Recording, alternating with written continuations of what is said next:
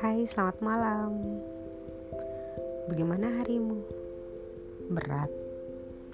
Bikin kamu susah tidur? Atau kamu terlalu takut menghadapi hari esok? Beristirahatlah, otakmu butuh istirahat. Begitu pula badanmu. Kamu harus paham bahwa tiap masalah punya solusi hasilmu tidak akan mengkhianati usahamu. Tiap orang punya dinamika masing-masing, punya masalah masing-masing. Tidurlah, bisa jadi bahagiamu akan datang esok hari.